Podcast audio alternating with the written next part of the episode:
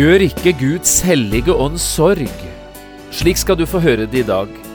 Sorg er kjærlighetens reaksjon. Det er den som elsker, som blir bedrøvet. Den som ikke vet hva det er å elske, vet heller ikke hva sorg er. Merk deg hva som ikke står. Det står ikke 'gjør ikke Den hellige ånd sint' eller 'gjør ikke Den hellige ånd sur'. Det står 'gjør ikke Den hellige ånd sorg'.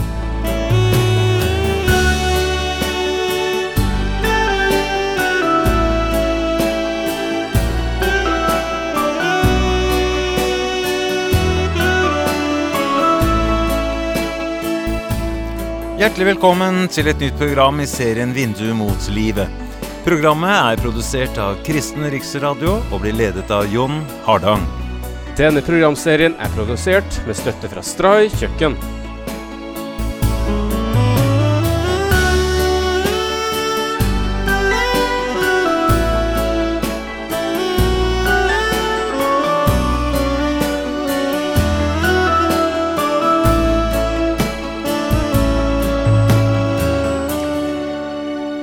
Vi er i dag kommet fram til det ellevte, og dermed det nest siste programmet i denne bibelundervisningsserien, som jeg har kalt Den hellige ånd og vi.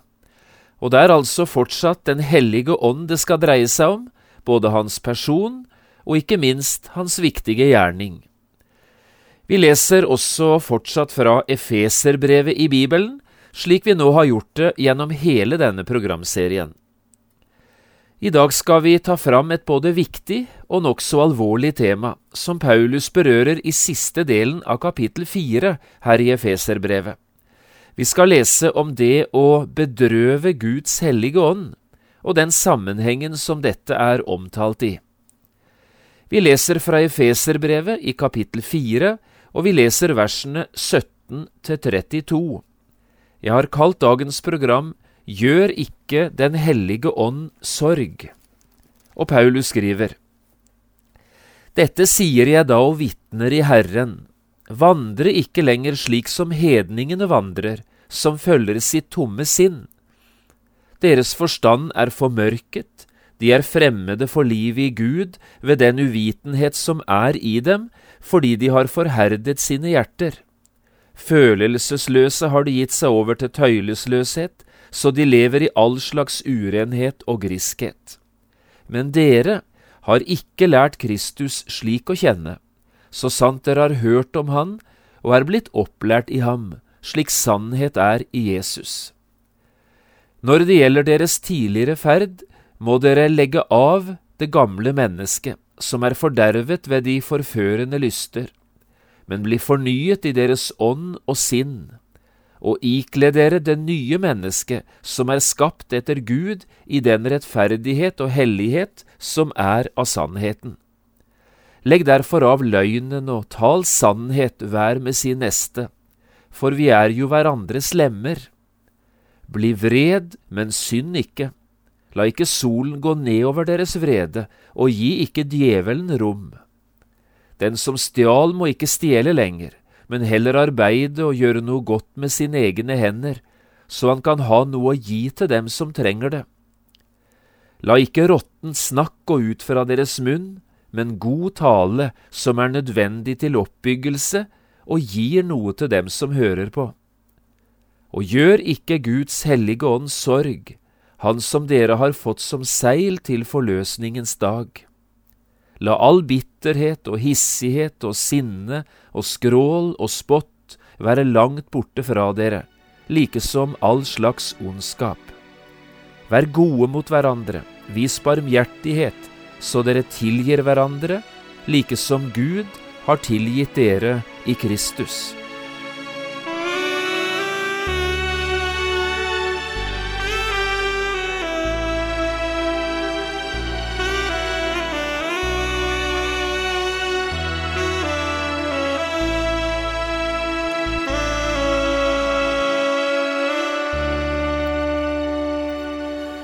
Vi har i flere av programmene i denne serien sagt litt om forskjellen på en kristens stilling og en kristens vandring. Når vi snakker om en kristens stilling, snakker vi om hvordan Gud ser på den som er i Kristus. Gud ser oss gjennom Jesus som om vi aldri hadde syndet, sier Bibelen. Og dette gjelder alle kristne, på tross av ulikheter og forskjeller. Og det gjelder enhver kristen, uansett om han opplever seier eller nederlag, medgang eller motgang. Når vi snakker om en kristens vandring, handler det om hvordan våre omgivelser ser på oss, og hvordan de opplever oss. Altså om det livet som den enkelte av oss lever som kristne her i verden. Og her er det stor forskjell på kristne mennesker. Noen kan oppleve det rikt og godt å følge Jesus, andre synes aldri de får helt til dette med livet sitt. Og det viktigste å være klar over når det gjelder denne forskjellen, er det som har med frelsesvisshet og frelsesglede å gjøre. Om jeg virkelig er en kristen eller ikke, det avgjøres ikke på hvordan det går, altså på hvordan jeg lykkes med det å leve som kristen. Det avgjørende er forholdet til Jesus. Om jeg har tatt imot Jesus med alt det han er og alt det han har gjort, eller om jeg har stengt Jesus ute av livet mitt. Det livet jeg lever fra dag til dag som kristen i verden, det er en frukt av dette forholdet til Jesus. I tillegg til dette har vi også gjort klart at disse to sidene ved det å være en kristen er tatt fram i to forskjellige deler av Efeserbrevet. Stillingen, altså det vi er for Gud i Jesus, det er hovedsaken i første halvdelen av Efeserbrevet, kapittel 1–3. Vandringen derimot, altså hva det innebærer å leve som kristen i verden, det er hovedsaken i andre delen av brevet, altså i kapittel 4–6. Avsnittet vi nå leste fra begynnelsen av dagens program, er altså hentet fra brevets andre hoveddel, der dette med livet eller vandringen er hovedsaken. Og la oss nå som det første i dag se litt på hva Paulus har å si om dette å leve som kristen i verden. Eller sagt med andre ord, hva skal vi tenke om vandringen vår som kristne på jord? Ja, her tror jeg virkelig Paulus kan hjelpe oss til å tenke rett. I kapittel fire og fem i Efeserbrevet tar han nemlig fram fire forskjellige sider ved det å leve som kristen, eller altså hvordan vi skal tenke om vandringen som Guds barn i verden. Nå skal du få disse fire tingene. Det første stedet der Paulus skriver om vandringen, er i kapittel fire og vers én, altså helt i begynnelsen av vandringsdelen i Efeserbrevet. Paulus skriver det slik. Jeg formaner dere altså, jeg som er en fange for Herrens skyld, at dere vandrer slik det er verdig for det kall dere er kalt med. Det første vi altså skal være bevisst på, er å vandre verdig for det kallet vi er kalt med. Hva slags kall er vi kalt med som kristne? Jo, det kunne vi sagt mange ting om, men la meg prøve å sette ord på to ting. En, vi er kalt med et hellig kall, sier Bibelen. Det betyr at vi er kalt til å leve et hellig liv, altså at vandringen vår, kristenlivet vårt, skulle bære preg av hellighet og renhet. Og to, vi er kalt med et himmelsk kall. Også dette uttrykket brukes i Bibelen, og det betyr du og jeg skulle leve et liv som var preget av andre holdninger og verdier enn det som denne verden er gjennomsyret eller preget av. Vårt kall er et himmelsk kall. Dermed er lista lagt ganske høyt. Et hellig kall, et himmelsk kall. Og dette er ingen av oss i stand til å leve av oss selv, i egen kraft, helt og fullt. Men likevel, det er altså dette vi er kalt til. Vi skal virkeliggjøre i vårt daglige liv det vi allerede eier i troen på Jesus. Det andre ved vandringen som Paulus setter ord på, møter vi i kapittel 4 og vers 17, altså helt i begynnelsen av det avsnittet vi leste nå i dagens program. Dette sier jeg da og vitner i Herren. Vandre ikke lenger slik som hedningene vandrer, som følger sitt tomme sinn.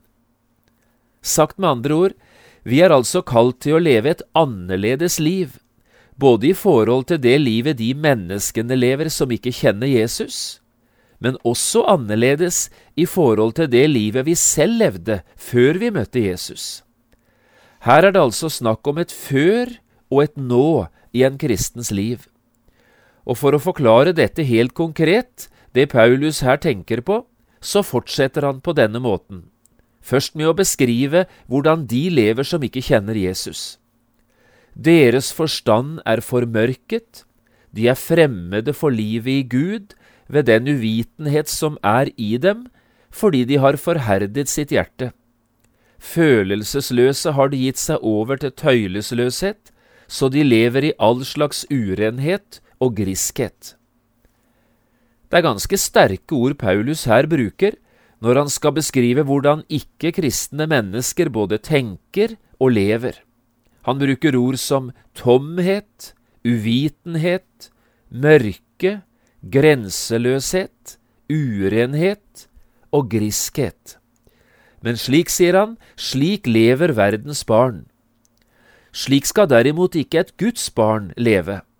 De skal leve et nytt og helt annerledes liv. Det tredje uttrykket det møter vi i kapittel fem i vers én og to. Her skriver Paulus disse ordene. Bli derfor Guds etterfølgere som Hans elskede barn, og vandre i kjærlighet, like som også Kristus elsket oss og ga seg selv for oss som en gave og et offer, en vellukt for Gud. Av og til blir det sagt, kanskje om noe som er blitt gjort eller en avgjørelse som er blitt tatt, der en har en mistanke om at ikke alt er som det skal være. Det lukter av det, sier folk. Det stinker. Også i det Paulus her skriver, lukter det. Men det lukter godt. Det dufter, sier Paulus. Han skriver altså om det å være etterfølger av Jesus, Guds etterfølger. Han snakker om å elske som Jesus, å være til for andre slik Jesus var det, ofre som Jesus gjorde det, og gi slik Jesus gav. Slik som Jesus levde, slik skulle også de kristne leve. Og når det skjer, ja, da begynner det å dufte. Det dufter Kristus i en verden der det er mer enn nok av synd og råttenskap. Det fjerde og siste uttrykket Paulus bruker, det møter vi i kapittel 5 og vers 8. Dere var jo selv en gang mørke, men nå er dere lys i Herren, vandre som lysets barn. Igjen hører vi grunntonen, ikke sant? Bli det du allerede er. Lev ut i ditt hverdagsliv det du allerede er blitt i Kristus. Denne verden ligger i det mørkeste i Bibelen. Men når en kristen altså befinner seg i denne mørke verden, ja, så er han på riktig plass. Han har jo nemlig selv møtt lyset, og han er blitt et lysets barn. Og hvor skulle det være bruk for et lys, om ikke på mørke steder? En kristen skal altså leve i verden, men ikke som verden. Han skal være i verden, men ikke av verden. Her har du altså de fire kjennetegnene på et sant kristenliv, og da tenker jeg på hverdagslivet. 1. Du skal vandre i samsvar med ditt kall som kristen. 2. du skal ikke vandre slik hedningene vandrer. 3. du skal vandre som Kristi etterfølger på jord. Og 4. du skal vandre som lysets barn. Men, og nå går vi et skritt videre, hva så om vi svikter? Hva skjer om en kristen ikke lever slik vi her har beskrevet? Da tenker jeg ikke på det som skjer når vi faller eller synder imot vår egen vilje. Jeg tenker mer på det som skjer hvis vi innretter vårt liv bevisst i strid med Guds klare ord i Bibelen, og ikke er villig til å justere verken holdninger eller skrittretninger, selv om vi altså er klar over at vi nå ikke lever slik vi burde ha levd. Hva skjer hvis en kristen velger å leve et liv som ikke tåler lyset, og som verken stemmer med hjertets tro eller munnens bekjennelse? Jo, det skriver Paulus om i slutten av kapittel fire i Efeserbrevet, og her bruker han et sterkt og nokså spesielt uttrykk. Han snakker om å bedrøve Guds ånd. Eller som vi leste det i vers 30, han snakker om å gjøre Guds hellige ånd sorg. Gjør ikke Guds hellige ånd sorg, skriver Paulus, han som dere har fått som seil til forløsningens dag. Det er dette som skjer når en kristen lever i strid med Guds vilje. Han gjør Den hellige ånd sorg. Men hva betyr det ganske konkret? Hva innebærer det å gjøre Guds hellige ånd sorg? Jo, det vil jeg gjerne si noen ord om i siste delen av dette programmet. Det første er dette. Her har vi et av de sterkeste uttrykkene for at Den hellige ånd er en person. Du kan ikke bedrøve en kraft eller et lys eller en mengde av et eller annet, men en person kan bli bedrøvet, og en person kan bedrøves. Nå har Den hellige ånd tatt bolig i deg som er en kristen, ikke sant? Og på denne måten har du fått samfunn eller fellesskap med en annen person. Du lever i Den hellige ånds samfunn, i fellesskap med Den hellige ånd, som Bibelen taler om det. Og hvis du nå som kristen begynner å oppføre deg i strid med Guds gode vilje, og dermed også i strid med Hans vesen, med Hans ånd som bor i deg, ja, da blir resultatet at Den hellige ånd bedrøves. Du gjør Han som bor i ditt eget hjerte, Den hellige ånd, sorg. Det andre jeg vil si, er dette. Sorg er kjærlighetens reaksjon. Det er den som elsker, som kan bli bedrøvet. Den som ikke vet hva det er å elske, han vet heller ikke hva det er å sørge. Du skal merke deg det som ikke står i Efeserbrevet 432. Det står ikke 'gjør ikke Den hellige ånd sint', eller 'gjør ikke Den hellige ånd sur', eller 'gjør ikke Den hellige ånd irritert'. Det står 'gjør ikke Guds hellige ånd sorg'. Saken er altså denne. Gud elsker deg. Guds ånd elsker deg og ønsker deg bare det beste. Han vil bruke deg i tiden og bevare deg for evigheten og det er derfor han er så redd for deg. Det er derfor han vil våke over deg og verne deg fra fristelser og farer og alt som kan skade eller gjøre vondt. Den hellige ånd er ikke din fiende eller din motstander. Han er din aller beste og mest trofaste venn i livet. Men gjør du Guds vilje imot, ja, så bedrøver du også din aller beste venn.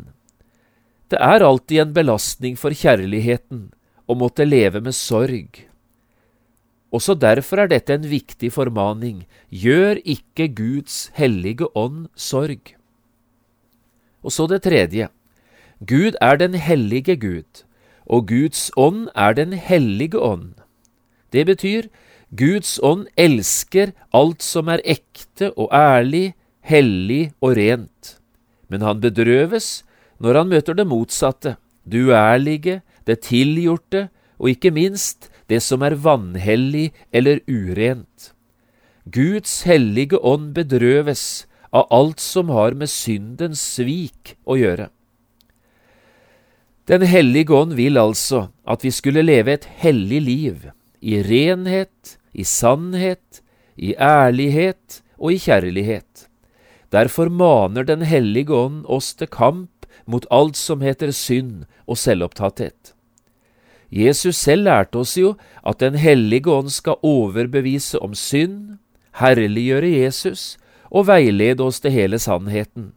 Men han bedrøves hvis vi unnskylder synden og lever på avstand av Jesus, eller når vi slurver i kristenliv og kanskje lever helt på tvers av Guds gode vilje. Og Den hellige ånd, barnekårets ånd, han tukter oss som er Guds barn, når vi altså har vært uskikkelige eller ulydige. men alltid gjør han det for å føre et Guds barn tilbake i lyset. Guds ånds største glede er å se et kristenmenneske gå til erkjennelse og til oppgjør. Hans store mål er at det alltid skal være i orden mellom synderen og frelseren. Og så det fjerde. Paulus setter i dette avsnittet et spesielt fokus på våre ord, altså både om hvordan vi snakker om hverandre og til hverandre. Er det noe som kan gjøre Guds hellige ånd sorg, ja, så er det når vi synder mot hverandre i ord. I verset like foran den formaningen vi nå har lest og lagt ut, møter vi disse ordene. Jeg tenker på vers 29. La ikke råttent snakk gå ut fra deres munn, men god tale som er nødvendig til oppbyggelse og som gir noe til dem som hører på. Og i verset like etterpå, i vers 31, La all bitterhet og hissighet og sinne og skrål og spott være langt borte fra dere, like som all ondskap. Og skulle vi ta med enda noen vers fra dette avsnittet, siterer vi vers 25 til 27. Også her har det med våre ord å gjøre. Legg derfor av løgnen og tal sannhet hver med sin neste, for vi er jo hverandres lemmer. Bli vred, men synd ikke. La ikke solen gå ned over deres vrede, og gi ikke djevelen rom. Alle kjenner vi fra hverdagslivet hvilken makt det kan være i ord. Ord kan trøste og glede, men ord kan også smerte og såre. Og dette skal vi tenke mye på som kristne. Det er ikke likegyldig hva slags ord som går ut av vår munn. Med ord kan vi påføre andre mennesker smerter og sår, og med ord kan vi gjøre Den hellige ånd sorg. Sannelig er det viktig å be, som Salmenes bok lærer oss. Herre, sett vakt for min munn, vokt mine leppers dør. Men det er ikke bare formaninger og advarsler som Paulus har på hjertet i dette bibelavsnittet. Han har også en masse oppmuntringer å komme med. Og la oss nå avslutte med noen av de gode ordene også de trenger vi å høre om vi skal finne den gode veien gjennom livet. Hør på dette. Bli fornyet i deres ånd og sinn.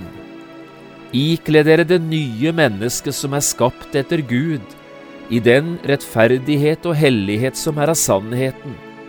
Vær gode mot hverandre, vis barmhjertighet, så dere tilgir hverandre, like som Gud har tilgitt dere i Kristus. Slike ting påfører i alle fall ikke Guds hellige ånd sorg. Tvert imot, de skaper glede både i Guds hjerte og menneskehjerter.